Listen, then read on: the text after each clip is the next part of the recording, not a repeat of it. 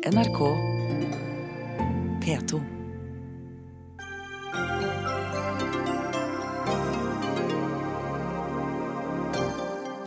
UD har brukt opp nødhjelpsbudsjettet. Uansvarlig, mener Røde Kors. Er det en menneskerett å bli lege, spør lederen for legestudentene i Norge. Og er det greit å gjøre terrorister til kjendiser? Magasinet Rolling Stone har trykket fotografiet av Boston-bomberen på sin forside.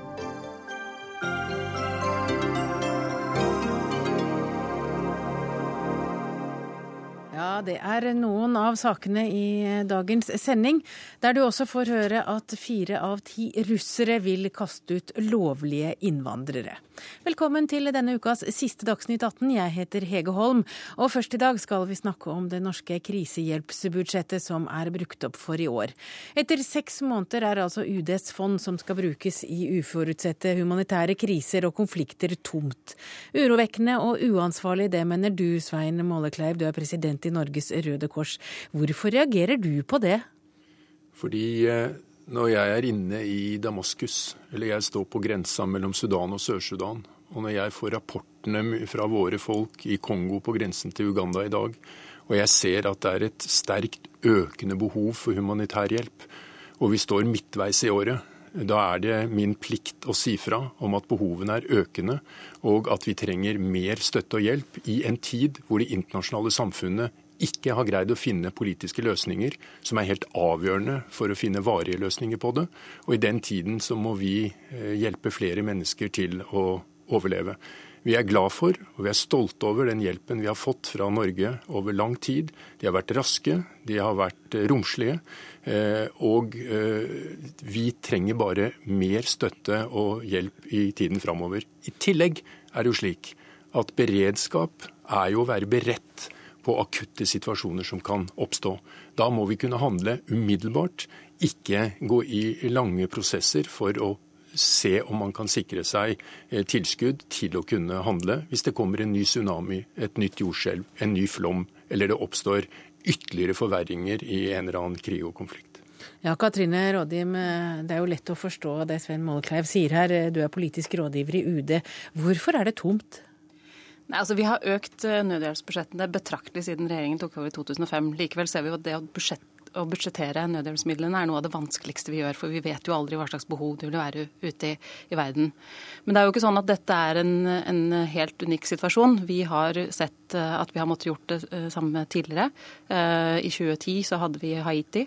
2011 flommen i Pakistan, som også har gjort at midlene var brukt opp et stykke ut i året, og at vi var nødt til å um, omdisponere penger på budsjettene, eller å gå til Stortinget og be om friske midler. Så det er ikke unikt. Men hva er det, er det Syria som har tatt pengene i år? Det er Syria. Og situasjonen i Syria er, som Molleklev sier, så alvorlig at FN definerer det som det største humanitære krisen, flyktningproblemet, siden eh, i organisasjonens historie.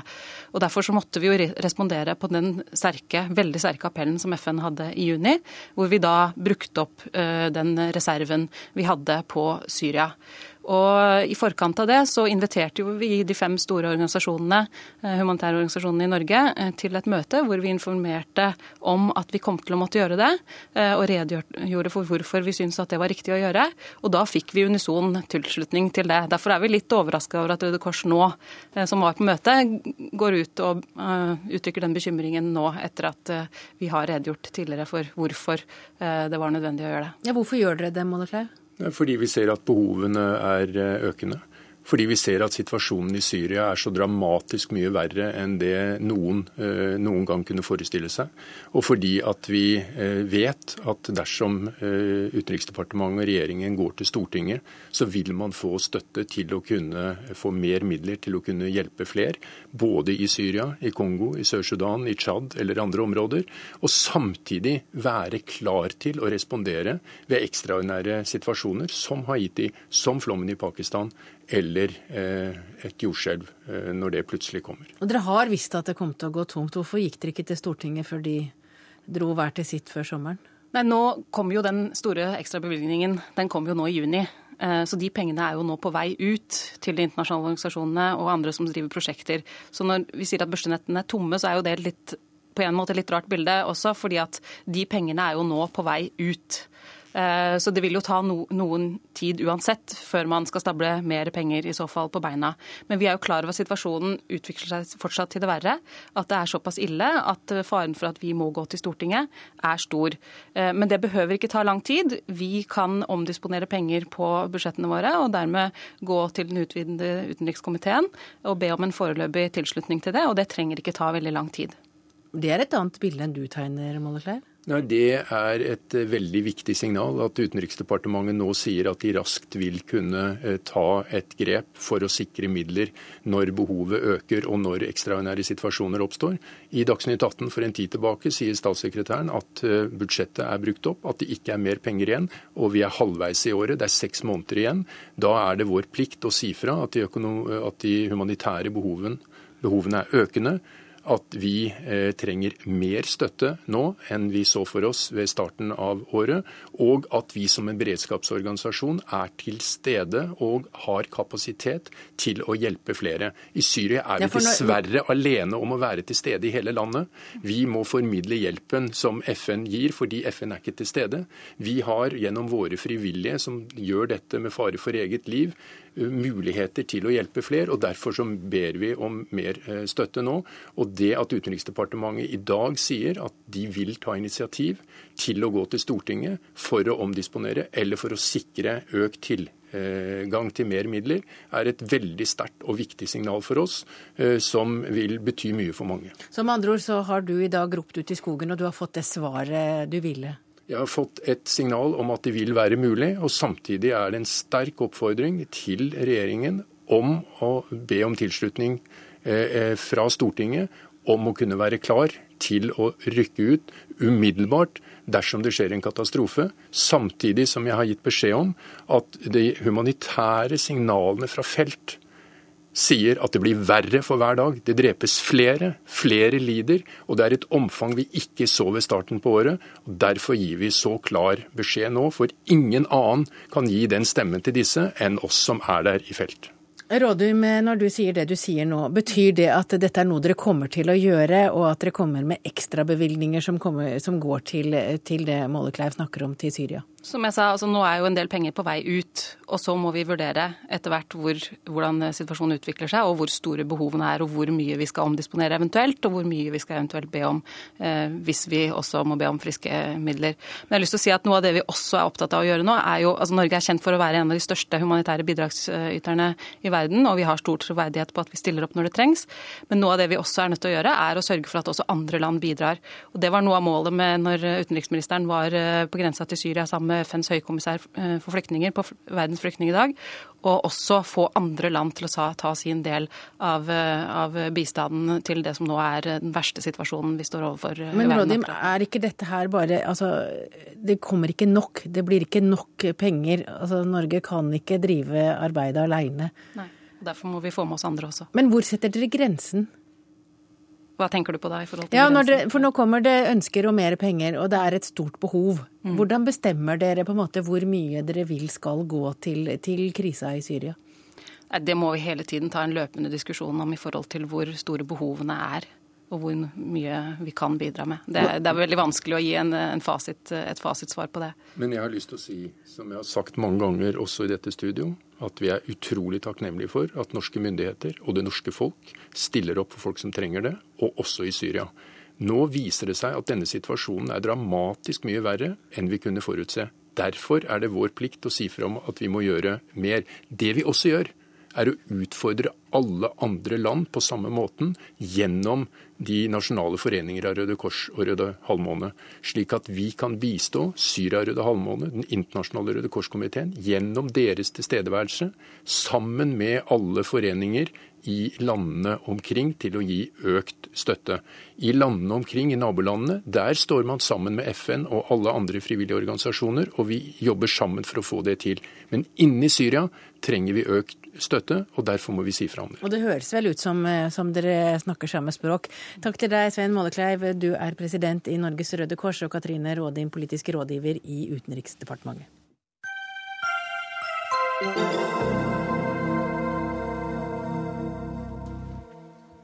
Ja, Rekordmange har fått tilbud om studieplass ved realfaglige og teknologiske studier i Norge. Det har skjedd i dag.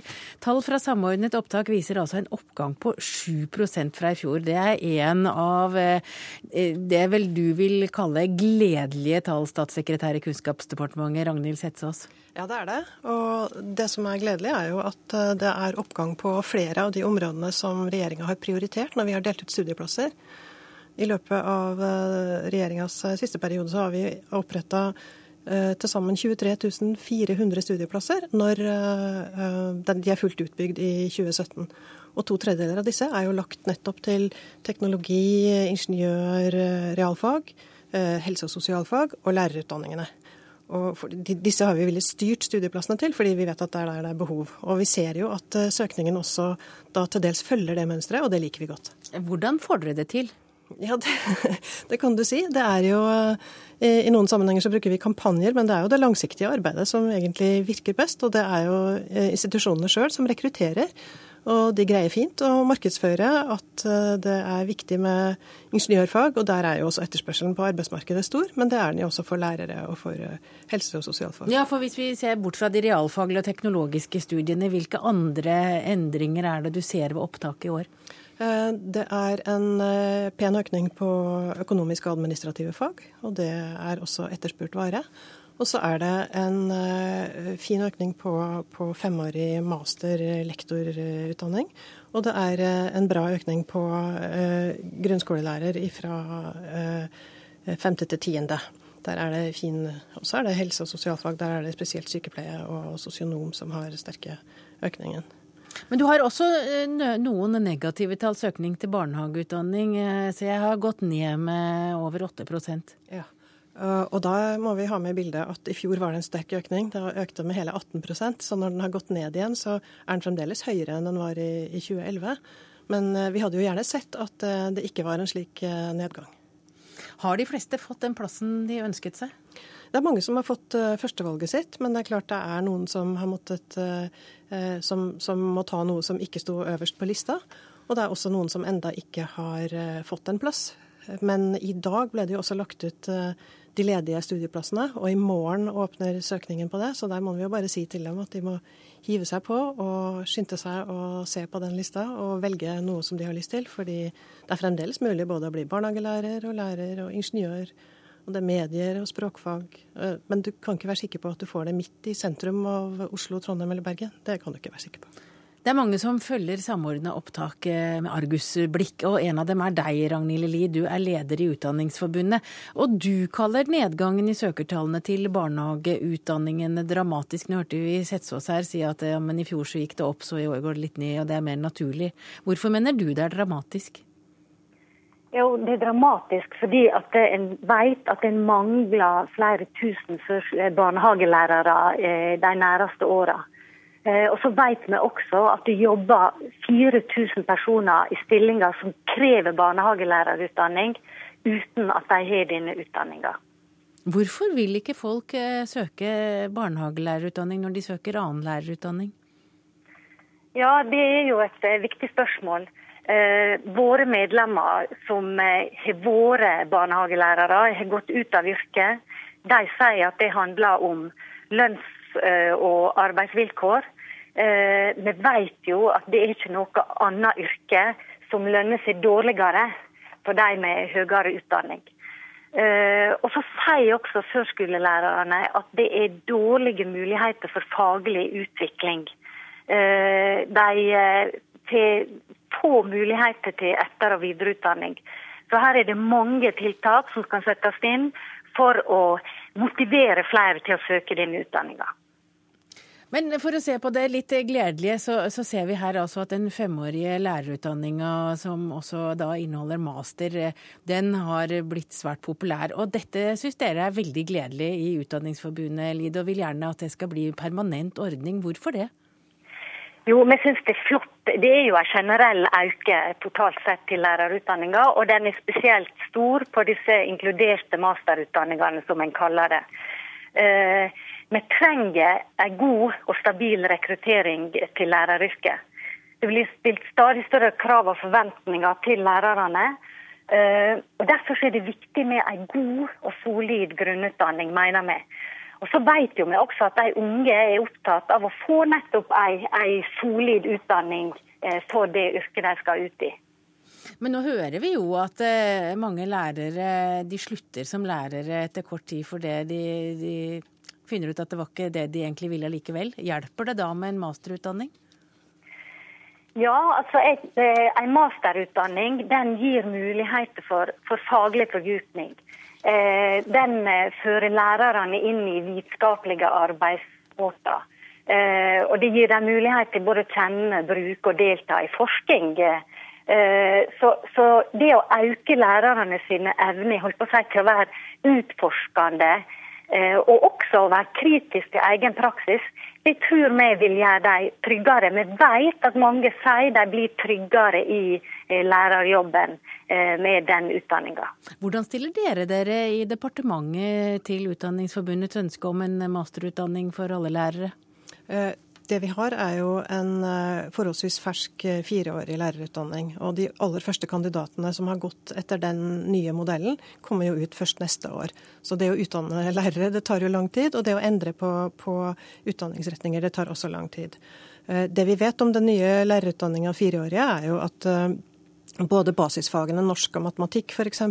og pedagogikk eh, er styrka i den nye lærerutdanninga. Og at vi samtidig også har en følgeevaluering som forteller oss hvordan det går med de som studerer der, slik at både departementet og institusjonene kan justere kursen og gjøre utdanninga så god som mulig. Eh, og vi mener jo i departementet at vi må gjennomføre og evaluere den fireårige utdanninga før vi tar noen nye skritt.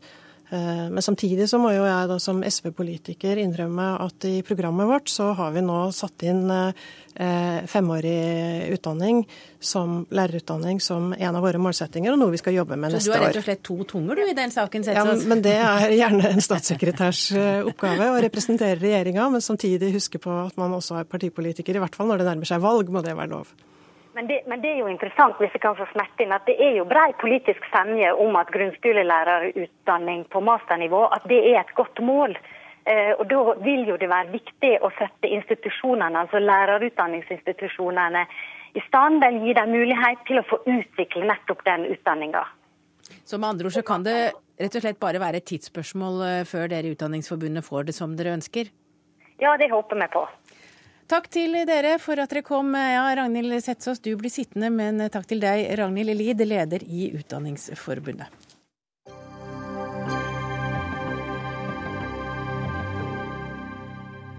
For vi skal ikke helt slutte å snakke om utdanning her i Dagsnytt 18. Nå skal vi snakke om legeutdanning. For eh, det mangler et system for kvalitetssikring av legestudier i utlandet.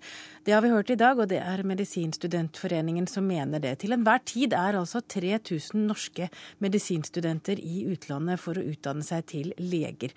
Og leder for nettopp Medisinstudentforeningen, Bjørge Bakke, du mener altså at kvaliteten på utenlandslegene, kan vi kalle det, bør bør kontrolleres. Hvorfor bør den det? For det første så mener ikke jeg at eh, det er bare kvaliteten på de som tar utdannelsen i utlandet som bør kontrolleres, men òg den som skjer i Norge. Så det er en feiloppfattelse at jeg mener at det er bare utenlandsstudenter som blir, burde bli kontrollert sin medisinutdannelse. Det bør òg de som studerer i Norge. På generell basis mener jeg at norske myndigheter bør være mer opptatt av å sikre kvalitet enn å tenke på pris, sånn som de gjør i dag.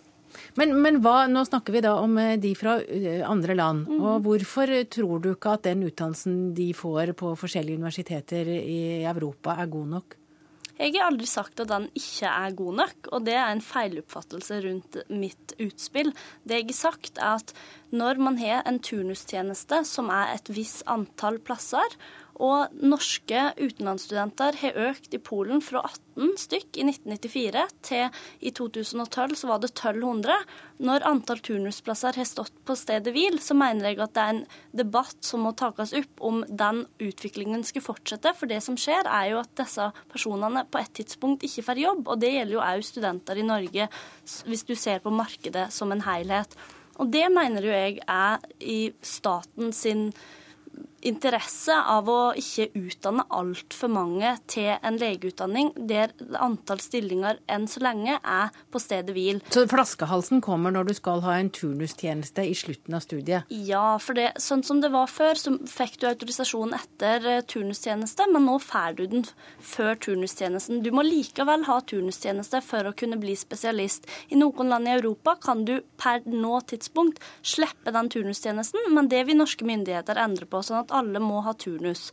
Det jeg tenker er har like interesser i denne debatten, det er staten, Norsk medisinstudentforening og ANSA er alle opptatt av at norske leger skal bli best mulig. Bjørknes har en annen agenda her, og det er jo selvfølgelig å tjene mest mulig penger.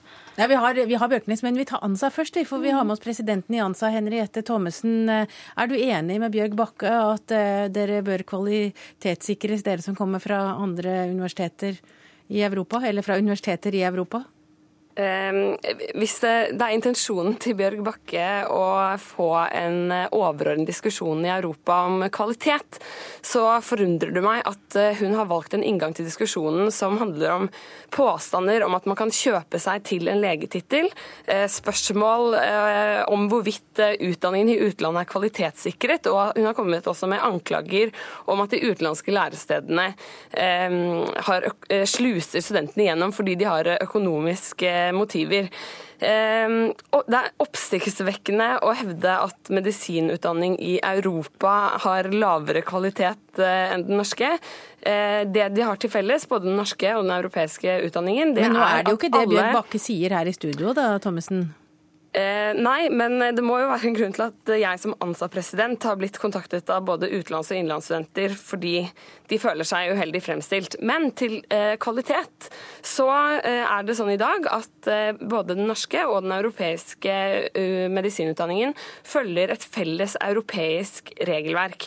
Det vil si at eh, både medisinutdanning i Norge og i alle andre land i EU og EØS har regelverk for kvalitetssikring og godkjenning med nasjonale nasjonale akkrediteringsorganer og et overeuropeisk organ som kontrollerer de nasjonale akkrediteringsorganene igjen.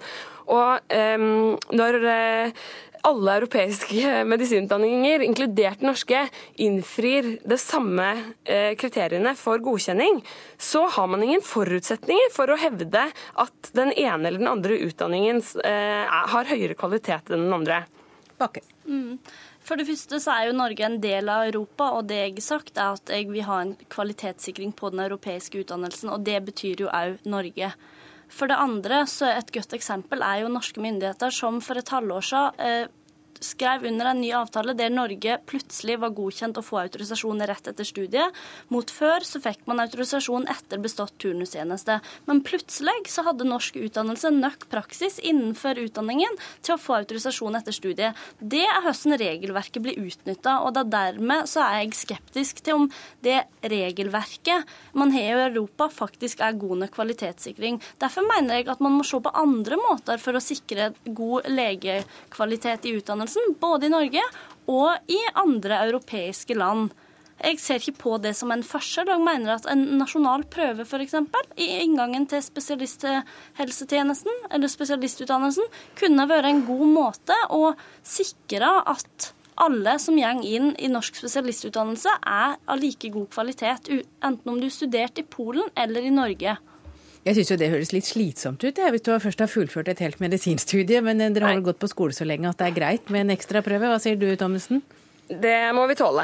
Eh, hvis, eh, nå er det, som Bjørg Bakke riktig sier, eh, veldig mange kandidater om svært få turnusplasser. Og det er nesten umulig å skille de likeverdige eh, kandidatene fra hverandre.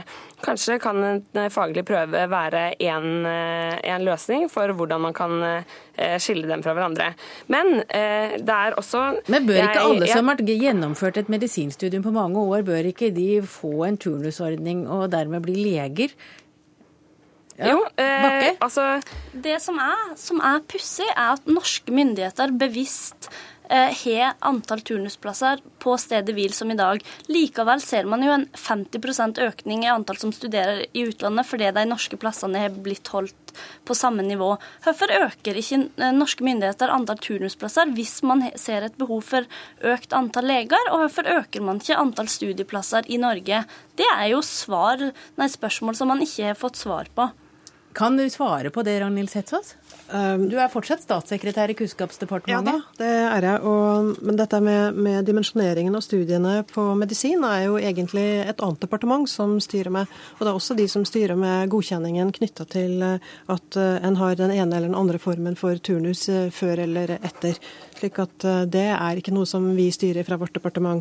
Og i likhet med Henriette Thommessen så vil jeg understreke at, eh, at, eh, både Norge og de andre EØS-landene er jo underlagt både nasjonale og den EU-systemet eh, e for direktivet for helsefagutdanning. Sånn at vi, vi, er allerede i et kvalitetsløp. Og det er klart at det ikke er noe Eh, tilfeldigheter med hensyn til kvalitetssikringen, verken i Norge eller i Europa. Ja, og Det er det vel ikke så mye å debattere akkurat her. Administrerende direktør ved Bjørknes høgskole, Sveinung Lunde, det er du som sitter med de økonomiske interessene eh, for disse mange av medisinstudentene som drar til utlandet.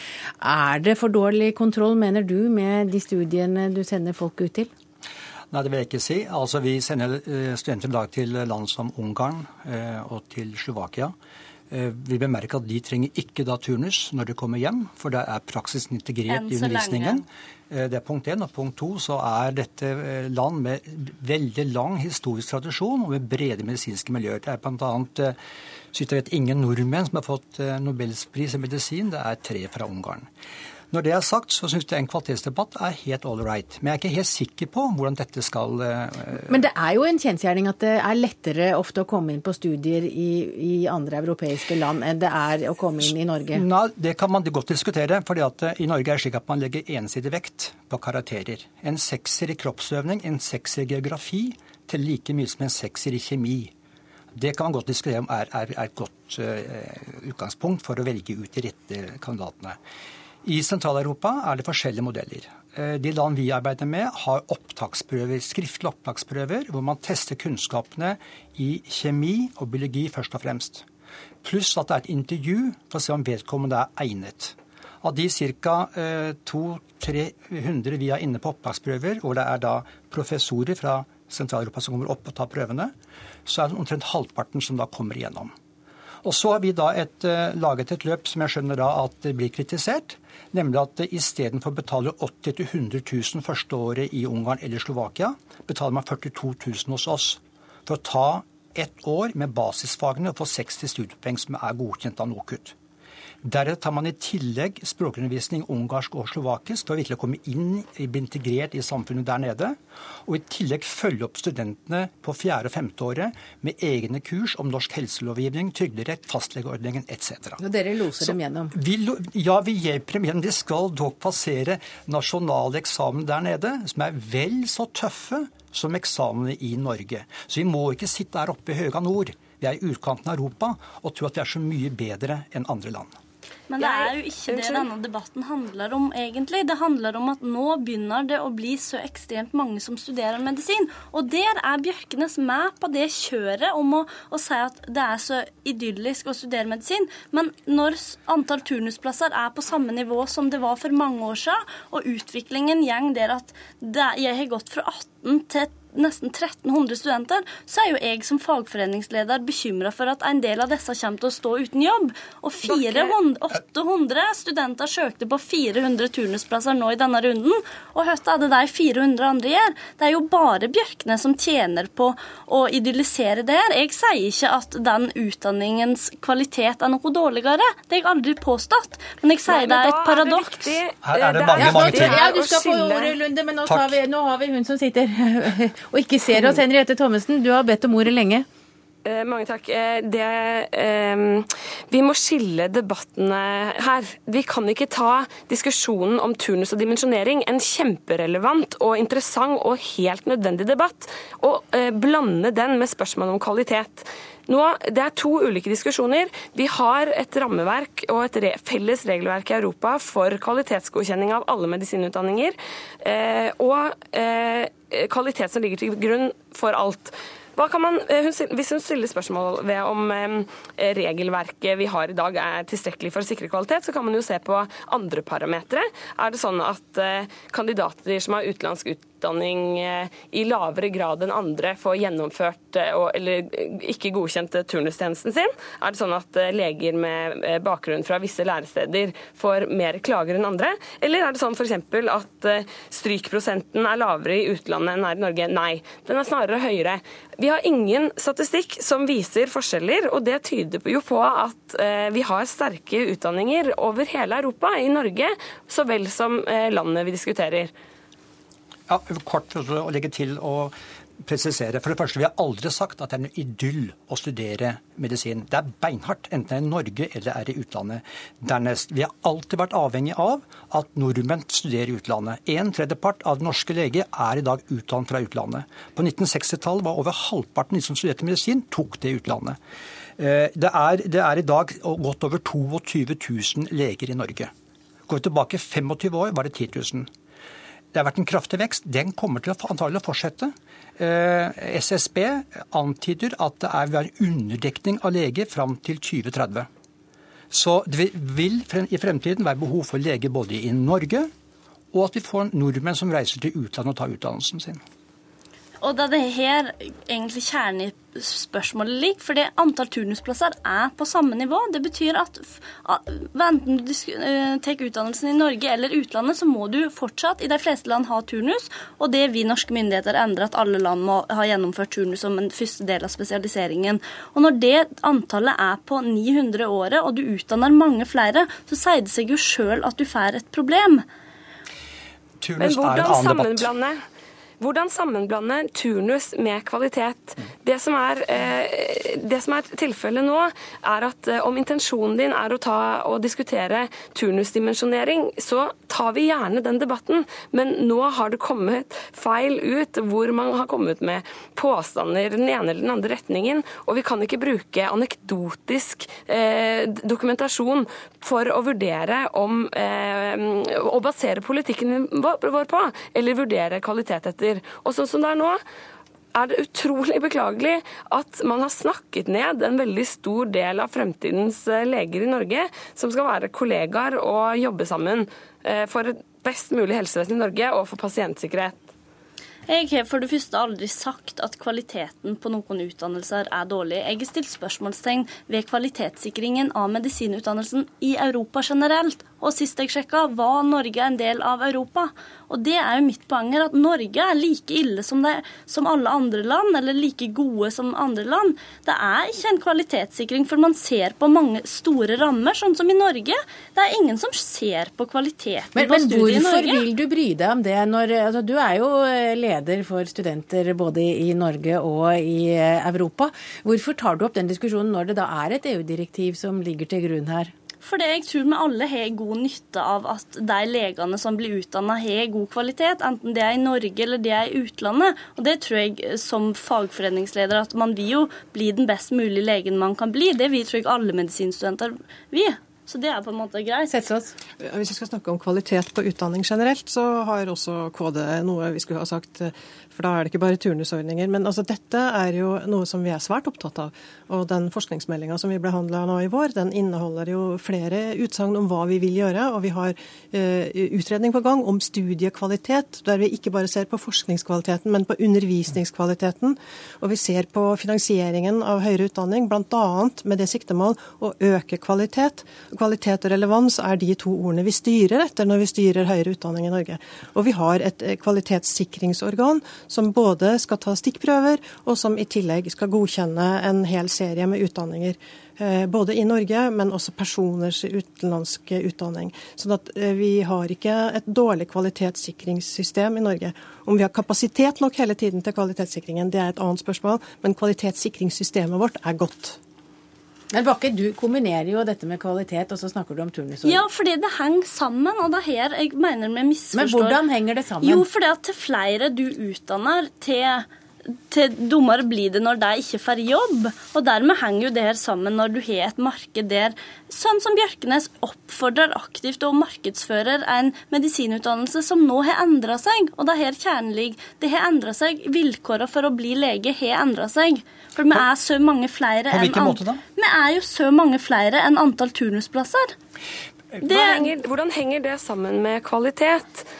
Vi har et eh, felles regelverk i EU. Du vil at, skal, at, det skal utdannes færre eller opprettes flere turnusplasser? Ja, ja, jeg vil at enten så skal det utdannes leger ved statskjøpte institusjoner, sånn som det var før. At staten kjøpte opp studieplasser, sånn at ikke enkeltindividet måtte ta regningen. Det mener jeg fortsatt bør skje. Må, må minne om at de aller fleste som studerer medisin i utlandet, får veldig gode støtteordninger gjennom Statens lånekasse. Dette er ikke riktig. Absolutt. og punkt to, det jeg gjerne får lov til å også ta et avstand fra, det er denne du på en måte kritiserer norsk eh, medisinutdanning og skaper et inntrykk at norsk legestandard er dårlig, og det er den altså ikke. Enten de kommer fra utlandet eller fra innlandet.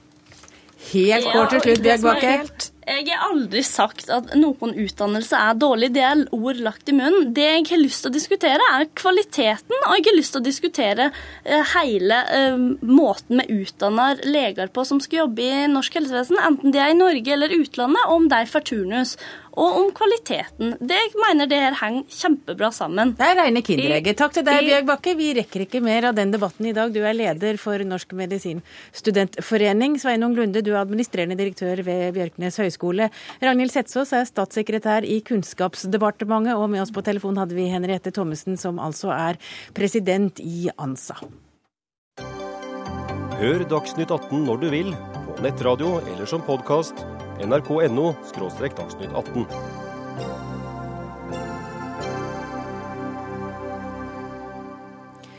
Musikkmagasinet Rolling Stone trykket nylig et bilde av Djukar Tsjarnaev, som er terrortiltalt for å stå bak bombingen under Boston Marathon. Forsidebildet har fått krass kritikk, og Anders Tvegård, du er korrespondent i Washington for NRK.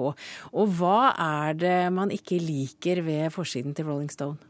Altså Både ordfører og guvernør har gått ut og kalt det usmakelig. Ordføreren har i tillegg skrevet en klage til Rolling Stone og spurt hvorfor de gir en terrorist kjendisbehandling.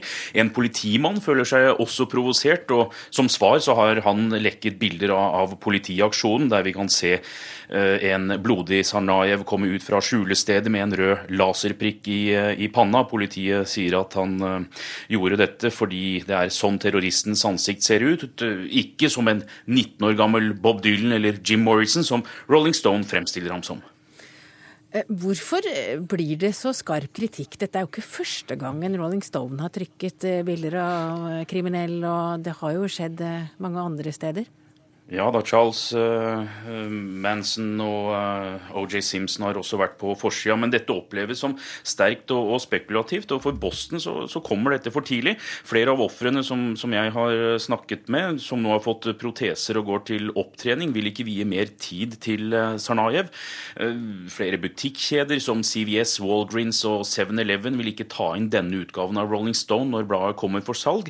Bildet i seg selv det har tidligere vært trykket i amerikanske medier. det lå på Twitter-kontoen til Sarnajev.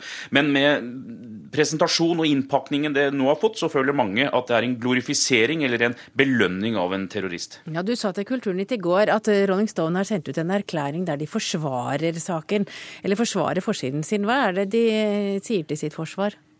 Altså De har ikke sagt så mye om selve bildet, øh, og det er det som har blitt øh, kritisert. Det er ingen her som har øh, kritisert at de lager en sak på terroristen. Bladet mener de har gjort en, en grundig, et grundig journalistisk arbeid, og at denne saken treffer målgruppa. De har snakket med omgangskretsen til Sarnajev og forsøker å gi et svar på hvorfor en godt likt gutt plutselig kunne snu og bli et monster. Rolling Stone er jo vant til å skape debatt og, og, og blest, og jeg leste også et innlegg i Washington Post i dag der eh, den som skrev innlegget, mente at terroristen vinner dersom bladet blir boikottet og fjernes fra hyllene. Tror du at eh, denne utgaven av eh, magasinet Rolling Stone vil bli utsolgt? Utsolgt vet jeg ikke, men det kommer til å havne i noen butikkhyller. Men ikke hos de fleste kjøpmenn i New England, der, altså i, i området der, der, Boston ligger. Og allerede så er Rolling Stone på, på nett. og når det er sagt, det er også på sosiale medier en, en rekke grupper nå som vil boikotte magasinet, og har fått flere titusen medlemmer allerede. Takk til deg, Anders Tvegård, du er vår korrespondent i Washington. Og Inger Merete Hobbelstad, du er kommentator i Dagbladet. Du har skrevet om, eh, om forsiden til Rolling Stone i dag. Er det greit å gjøre en terrorist til kjendis slik de gjør her? Ja, det syns jeg er helt greit. Eh, skal ikke dermed ta vekk fra at det selvfølgelig er smertefullt, altså særlig for de som har direkte berøring med tragedien, eh, å se da denne terroristen lyse mot dem, altså på ekvivalenten til Narvesen, altså på steder der man er vant til å se Lady Gaga og, og, og forskjellige artister. Eh, men kan ikke jeg... du først beskrive det bildet, for det er jo ikke alle som har sett eh, siste utgave av Rolling Stone? Det er da et stort bilde av eh, Jokar Ternaev, eh, hvor han ser ut på kamera med litt sånn drømmende blikk, nesten. Det er litt sånn uklart. Og han har da sorte lokker hengende ned i ansiktet, og det er et veldig flatterende bilde. Det er satt i veldig sånn dust lys. Og det har jo blitt nevnt av flere her at han ligner på eh, Jim Morrison eller en ung Bob Dylan. Jeg fikk også assosiasjoner til disse romantiske poetene til eh, Percy Shelley og lord Byron. Altså det er et uttrykk av den typen. Eh, men så er det jo da også en tekst til dette bildet hvor det står at nettopp at hvordan kunne en populær gutt bli et monster? Hva skjedde? Eh, og litt av grunnen til at jeg tenker at dette må være helt greit, at det kanskje til og med er ganske smart og ganske interessant, eh, det er at det er jo ikke slik som denne politimannen sier at det er slik en terrorist ser ut. Sånn ser han ut. Altså det antyder jo at de skal ha et eller annet merke i pannen, at de skal være radikalt annerledes, at det skal være, ikke sant, at de omtrent skal se ut som monstre. Eh, jeg tenker at dette viser jo den opplevelsen mange har når det kommer frem at, noen som har gjort noe uhyrlig, at det faktisk var den personen. At ja, men de var jo som alle andre. Eller det trodde man. Eh, altså En terrorist kan være gutten i parallellklassen din du syns er litt søt. Eh, det kan være naboen din. Eh, det kan være en person du har eh, snakket om vær og vind med på butikken. Altså Det interessante der er jo altså, altså hva som er likt, og hvor mye som er likt. Eh, og da kan vi jo begynne å snakke om hva som er forskjellig, når man også tar høyden for likheten, og at det har vært like løp her før noe gikk fryktelig galt med en person. Men, men hvorfor tror du akkurat det er fotografiet som provoserer så mange i Boston? Nei, altså Man oppfatter det jo som sagt som, som glamoriserende. Eh, og, det, og, det, forstår jeg godt. Altså, det er som sagt et veldig, et veldig uh, flatterende bilde. Eh, men altså, som sagt, altså, jeg ser at alternativet jeg tror ikke alternativet er noe å trakte etter. da.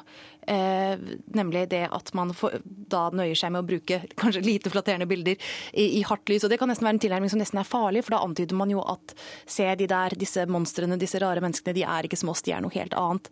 Eh, og da setter man stopper for en samtale. Men det er det vi egentlig vil se? Vi vil se sånn litt blodig bilde av en litt uflidd type som vi ikke man, man tenker kan være en av oss? Man får nok behov for å markere avstand og på en måte markere at disse menneskene er noe helt annerledes fra på en måte vanlige, skikkelige folk. Jeg tror ikke det er den lureste veien å gå. Jeg tror ikke det er utgangspunktet for interessante, interessante samtaler. Men så er det selvfølgelig en annen frykt her. fordi En ting er frykten for å glamorisere personen, men en annen ting er bare det at han skal få så mye oppmerksomhet som han nå for. At han skal bli kjendis på den måten han kan du tenke deg ønsket. Altså, det er jo et ekshibisjonistisk drag ved mange av disse terrorene. Ja, vi har jo hatt en, ikke, altså en lignende, iallfall en eh, beslektet diskusjon om Anders Behring Breivik. Absolutt. Og da også var det jo mange reaksjoner på forsiden av avisen. Altså mange ville snu, dem, snu avisforsidene inn mot veggen på steder der de ble solgt, fordi de var, orket ikke at dette ansiktet skulle være rundt dem hele tiden.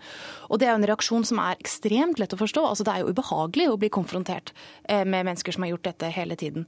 Men altså de som kjemper mot at at massemordere, terrorister, skal bli til kjendiser, de kjemper en forgjeves kamp, altså. Fordi massemordere og folk som gjør sånne ekstreme ting, er fascinerende.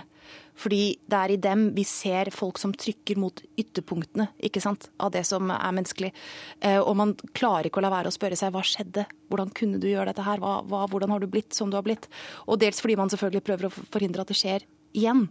Eh, og, og, den graving, gravejobben må man bare ta. Altså. De kommer til å være fascinerende og kommer til å holde på fascinasjon hvor, hvor ekkelt det enn er å tenke på. Takk til deg, Inger Merete Hobbelstad. Du har tenkt eh, langt og du har tenkt dypt om det. Kanskje du skaper en debatt? Kanskje det er lettere for oss å diskutere når det er en Boston-morder? Kanskje det.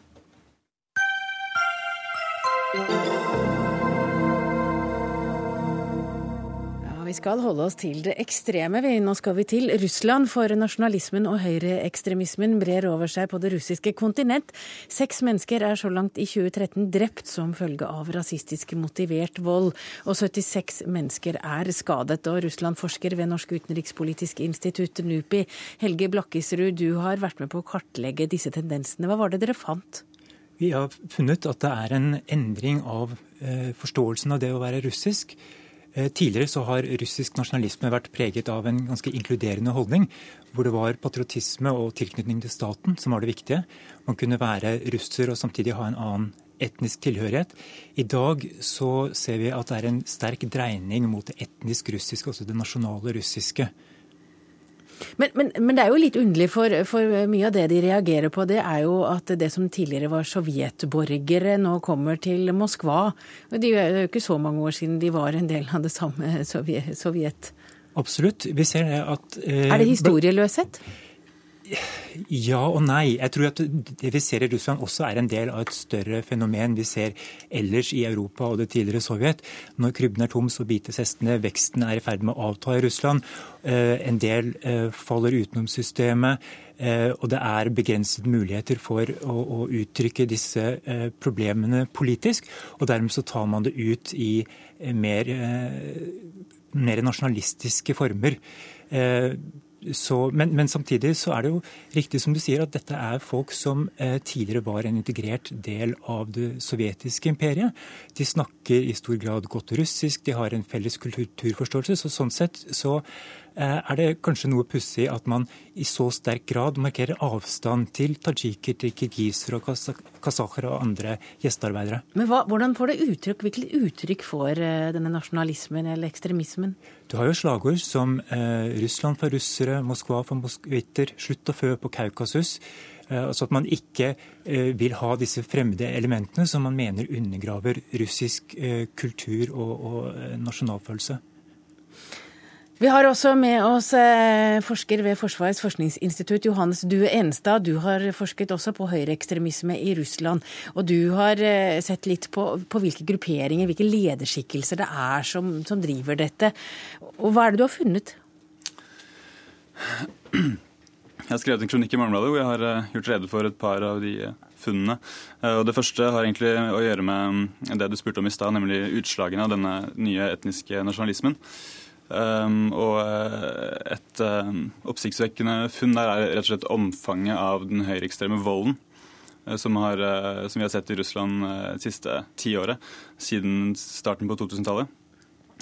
mellom 2004 og 2011 ble det registrert 540 drap og 3500 ikke-dødelige angrep altså av høyreekstrem art, da, rettet mot mennesker med ikke-russisk utseende, stort sett, altså mørkhudede. Um, til sammenligning uh, så kan vi se til uh, USA, et land som er dobbelt så stort som, som Russland, hvor da tallene er uh, bare en tredjedel av dette. Så det sier litt om, um, om, om det store omfanget av volden, rett og slett. Og det er jo um... Men hvem er de? De som får med seg folk til å Jeg har skrevet litt om dette. Vold?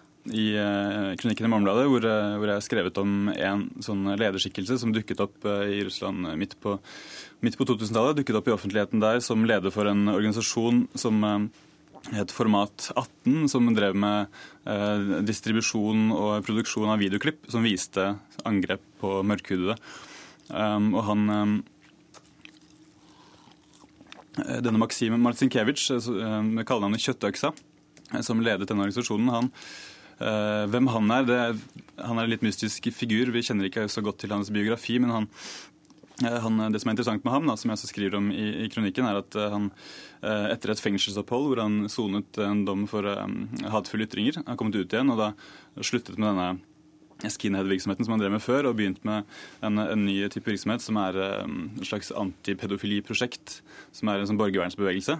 Hvor han, um, hvor han, og hans aktivister legger ut agn på internett på sosiale medier og får eldre menn til å dukke opp og møte det de tror er yngre gutter. Og istedenfor yngre gutter, så er det da disse uh, aktivistene. For pedofili er noe de er imot? Som uh, Ja, det, det, er det definitivt. Men dette er jo et antipedofiliprosjekt, men han, Maksim Marcinkevitsj og mange av hans tilhengere er åpent nynazister. Og de fronter dette prosjektet, og de får veldig stor oppslutning. og de blir tatt inn i, i, varmen på sett og vis ved at russiske statskontrollerte TV-kanaler har talkshows hvor de inviteres. For det, så det er en måte å For de, de vet at alle er jo mot pedofili? som ikke er pedofile. Altså, det, det, er ikke så vanskelig å få sympati. Så det er grunnen til at de bruker en sånn kampanje, er det det du sier? Um, de er nok mot pedofili på alvor, um, men um, ja, ja. Ja, nei, Jeg tenkte bare å legge til her Noe av dette viktige med, med denne typen grupper er jo at det også er med på å flytte grensene for hva som er akseptabelt av nasjonalistiske og rasistiske ytringer. Dette at vi har grupper som, som den som Johan snakker om, skyver grensene og skaper et større rom for, å, for også denne eh, mer stuerene nasjonalismen, mainstream nasjonalismen i Russland. Den type nasjonalisme som f.eks. Aleksej Navalnyj og en del av eh, opposisjonen mot Putin eh, representerer. Putin derimot, han er en relativt modererende kraft når det, ser vi, når det gjelder utviklingen av russisk nasjonalisme eh, i dag. Så, eh, Men vi hører jo ikke mye om det. Altså, det blir det tatt opp eh, i, på det politiske plan i Russland og diskutert? Det blir tatt opp både på det politiske plan og eh, i, i, pressen, og ikke minst da eh, i, i eh, internettsamfunnet. På blogger og, og sosial, i sosiale medier så er det en eh, stor debatt om hva det vil si å være russer. Hvem er det som er russer i dag? Hvem er det som skal inkluderes, og hvem skal holdes utenfor? Og Det er der vi også da finner disse ytringene av type eh, Russland for russere. Kast ut eh, migrantene. Men hvem er motkreftene? Motkreftene? Eh, nei, her er det egentlig mer et, eh, en samling i bånd, vil jeg si. Eller en samling om, om det nasjonale prosjektet. Eh, russerne har slitt med å finne ut hvem de er etter oppløsningen av Sovjetunionen. Det var kjernen i det sovjetiske prosjektet. Eh, når Sovjetunionen gikk i oppløsning, så kunne de øvrige tidligere republikkene mobilisere mot sentrum, mot det sovjetiske, mot det russiske. Man fikk georgisk nasjonalisme, eh, tadsjikisk eh, nasjonalisme. Russerne gikk gjennom 90-tallet og lurte på hvem, hvem er vi, hvordan passer vi inn i, i, den nye situasjonen. Og så har man etter 2000, med Putin, hatt en eh, oppblomstring av eh, nasjonale tanker. Eh, Putin har forsøkt å slå en bro mellom det sovjetiske og det russiske, skape en ny statspatriotisme. I det prosjektet så eh, lot man lenge de mer ytterliggående formene for russisk nasjonalisme få, få eh, fritt spillerom, og det er noe vi, det vi ser eh, utslagene av i, i dagens eh, ekstreme miljøer, slik som det Johannes Enstad snakker om. Men Enstad, er det, er det, noen politiske lederskikkelser i det miljøet som du ser, som, som vil prøve å få politisk innflytelse og fjerne Putin, f.eks.? Ja, det er mange, mange av dem som tar til, orde for å fjerne Putin, og som, som eh, identifiserer seg som, som, politiske lederskikkelser med politiske ambisjoner. Men, eh, men, det vi ser også er at det er veldig mange um, forskjellige lederskikkelser, og de er ofte uenige med hverandre. Og de uh, uttrykker ofte et uh, sterkt uh, forakt overfor hverandre. Så det er ikke noe samlet bevegelse heller, denne, denne radikale og etniske og til dels nynazistiske nasjonalismen. Um, det er en broket forsamling, og det er ikke, det er ikke en samlet blokk som ved Putins eventuelle fall kan komme inn og, og overta heller.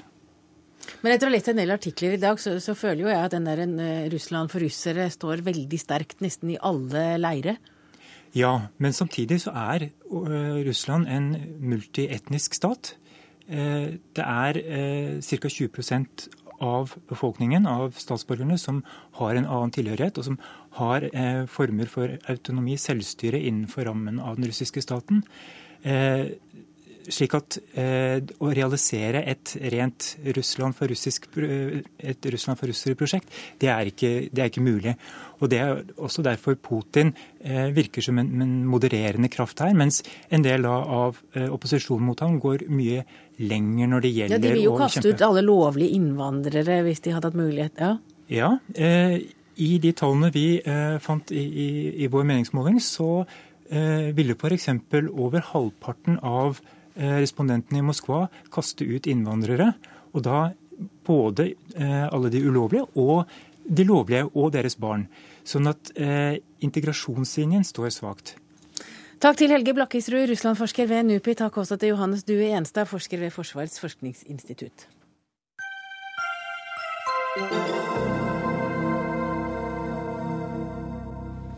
Har du så lyst på en bok at du betaler penger for at den boka du har lyst på skal skrives? Eller kanskje det er en film eller en bok du har lyst skal filmes, og du vil gjerne betale penger for at den filmen blir laget? Det fins noen som har så lyst på noe at de er med på å betale. Filmen 'Pornopung' den har samlet inn rundt 100 000 fra publikum, og den håper å få inn mer. Og nå kommer det også en bok om ølbrygging som er finansiert på denne måten. Og utgiver av boka om ølbrygging, det er Kagge Forlag, og der, der er du forlagssjef sjef Anne Gåthaug. Men dette høres jo nesten for godt ut til å være sant. Du får leserne til å betale for boka før ja. den skrives. Ja, det er jo en, eh, endelig en drøm har kommet i oppfyllelse. Ja, nei, det er, det er, eh, rett og slett eh, det. Det dreier seg om crowdfunding, da, som vi nå skal se brer om seg på ulike arenaer i Norge. Eller folkefinansiering, hørte jeg et annet ja, ord i dag. Ja, folkefinansiering er jo et veldig mye bedre norsk uttrykk, men uh, dette her kommer fra andre steder i verden fra, så crowdfunding er da ordet Men hvordan får man det til? Hvordan har dere klart å få til det rundt boka om ølbrygging? Nei, altså, vi har, Kagge Forlag har hatt et ønske om å lage en ølbryggebok lenge. Eh, og så kom vi i kontakt med Gustav Foseid, som er eh, forfatteren av denne boka. Eh, han har en del fans, tror jeg vi kan si. Han er nemlig norsk mester i ølbrygging av Lys Ale 19, nei, 2011. Og dermed så er det altså det er et litt sånn det er et sånn fanmiljø da, rundt ølbrygging. Det blir veldig, veldig populært, eller har blitt veldig populært. Det er flere og flere som driver med det. Sånn at når vi da la ut dette prosjektet Vi, vi, vi syntes at kalkylene så litt sånn skumle ut til å begynne med. Og så kom man på dette her eh, prosjektet som da gjøres gjennom et selskap som heter New Jelly. Eh, og så fant vi ut at OK, eh, hvis vi ikke skal tape penger, vi, skal, vi tjener ikke veldig mye penger, men hvis vi ikke skal tape penger, så trenger vi 250 000 kroner for å mm, være sikre. Og da satte vi i gang mobilisering fra forlaget, fra Gustav, fra andre, som gjorde at eh, folket mobiliserte. Og når 29 dager var gått, så hadde vi da nådd denne grensa og over det helt utrolig. Hva helt. får de igjen? Hva får publikum igjen? Ja, Det er det som er liksom gøy med crowdfunding. Da, fordi at de, de, skal få noe, det må være noe ekstra. Du skal få liksom for, for jobben og for satsinga. Eh, og det er jo i vårt, for, eller for bøkers del, da, nå har jo vi en bokavtale som gjør at vi må være forsiktige med å gi for mye, for det er fastpris eh, i dette landet. Så vi må være litt kreative. Så i eh, den eh, ølboka så får alle som har bidratt på forhånd, de får navnet sitt i boka. De som har kjøpt mer enn 20 bøker, for det er ganske mange som har gjort det, de får Gustav med på kjøpet. Så han kommer hjem eller til en bar eller til bryggeriet og holder et skikkelig godt foredrag om hjemmebrygging. Helt utrolig. Men jeg vil jo tro at dette er, et, dette er, ikke en måte å finansiere bøker på som dere kommer til å fortsette med på alle bøkene dere gir ut? Ikke på alle bøkene, det nei. Vi... Vedboka f.eks., som dere har tjent i bøtter og spann, ja. den ville nok ikke gått med crowdfunding? Nei, jo, altså, vet du hva, den Ikke i det monnet, øh, vil jeg tro. Men øh, altså, det, er, det, er, et eller annet med den derre entusiasten som står i bånn. Ølbryggerne er entusiaster. De vil se denne boka. Uh, hel ved-folket, altså vedhuggerne Ja, de er blitt det entusiaster, iallfall. Ja, men de var det, vet du. Men vi visste det ikke da. Men jeg er helt sikker på at vi hadde klart å funde den boka da, altså. Men det du må ha er et tydelig prosjekt, da, hvis mm. du skal klare å finansiere noe. Ja, Men det trenger vel ikke å være bok, det kan vel være andre ting ja, også? Ja, det, jo, det, er mange. Som du, du nevnte Pornopung. Det har vært det eh, store, film, det store spillselskapet Funcom. Der gikk det jo ut et par karer og satte i gang et eh, prosjekt her i Norge som har funda veldig mye penger. Så vi ser det på flere områder. Mm. Men, men, hvis en sitter med en sånn idé om noe en brenner for, men ikke har penger til, hva må en gjøre for å starte crowdfunding eller folkefinansiering? Da må du, ha, du må ha et godt produkt, du må ha en god idé, du må være på sosiale medier, du må ha fansen i bånn, og så må du ringe til eh, et av disse her funding-selskapene og sagt hjelp meg å sette i gang. Så kan det godt hende at eh, du kan få det til. Og så må du ha alle fordelene, da. Du må gi noe. Du kan ikke Nei, du sitte kan ikke bare si at du får boka, eller du får uh, forestillingen, eller du Nei, får uh... Du kan prøve, men jeg tror ikke det, hvorfor skal du gjøre det da, liksom? Det må være, tror jeg uh, De må få noe igjen for det, de som skal gjøre dette her. Og så hører det også med til historien at hvis vi da ikke hadde klart å få, få, få fullfinansiert dette prosjektet, så ville de som da har betalt inn penger på forhånd, de vil få tilbake pengene sine. Så de pengene står trygt på en klientmiddelkonto. Men blir dette som ny vedboka? Så får ikke de, de får ikke eh, igjen eh, prosenter av overskuddet. Nei, det hadde vært noe. Nei, det gjør de ikke. Kanskje det er en forretningsside. Ja. Kanskje det er en forretningsside. Ja, det var det vi skulle si om crowdfunding eller folkefinansiering i kveldens utgave av Dagsnytt 18. Alle får ha en riktig god helg. Vi er iallfall ferdig med Dagsnytt 18 for denne uka. Og vi var Dag Dørum, Lisbeth Sellereit og jeg heter Hege Holm.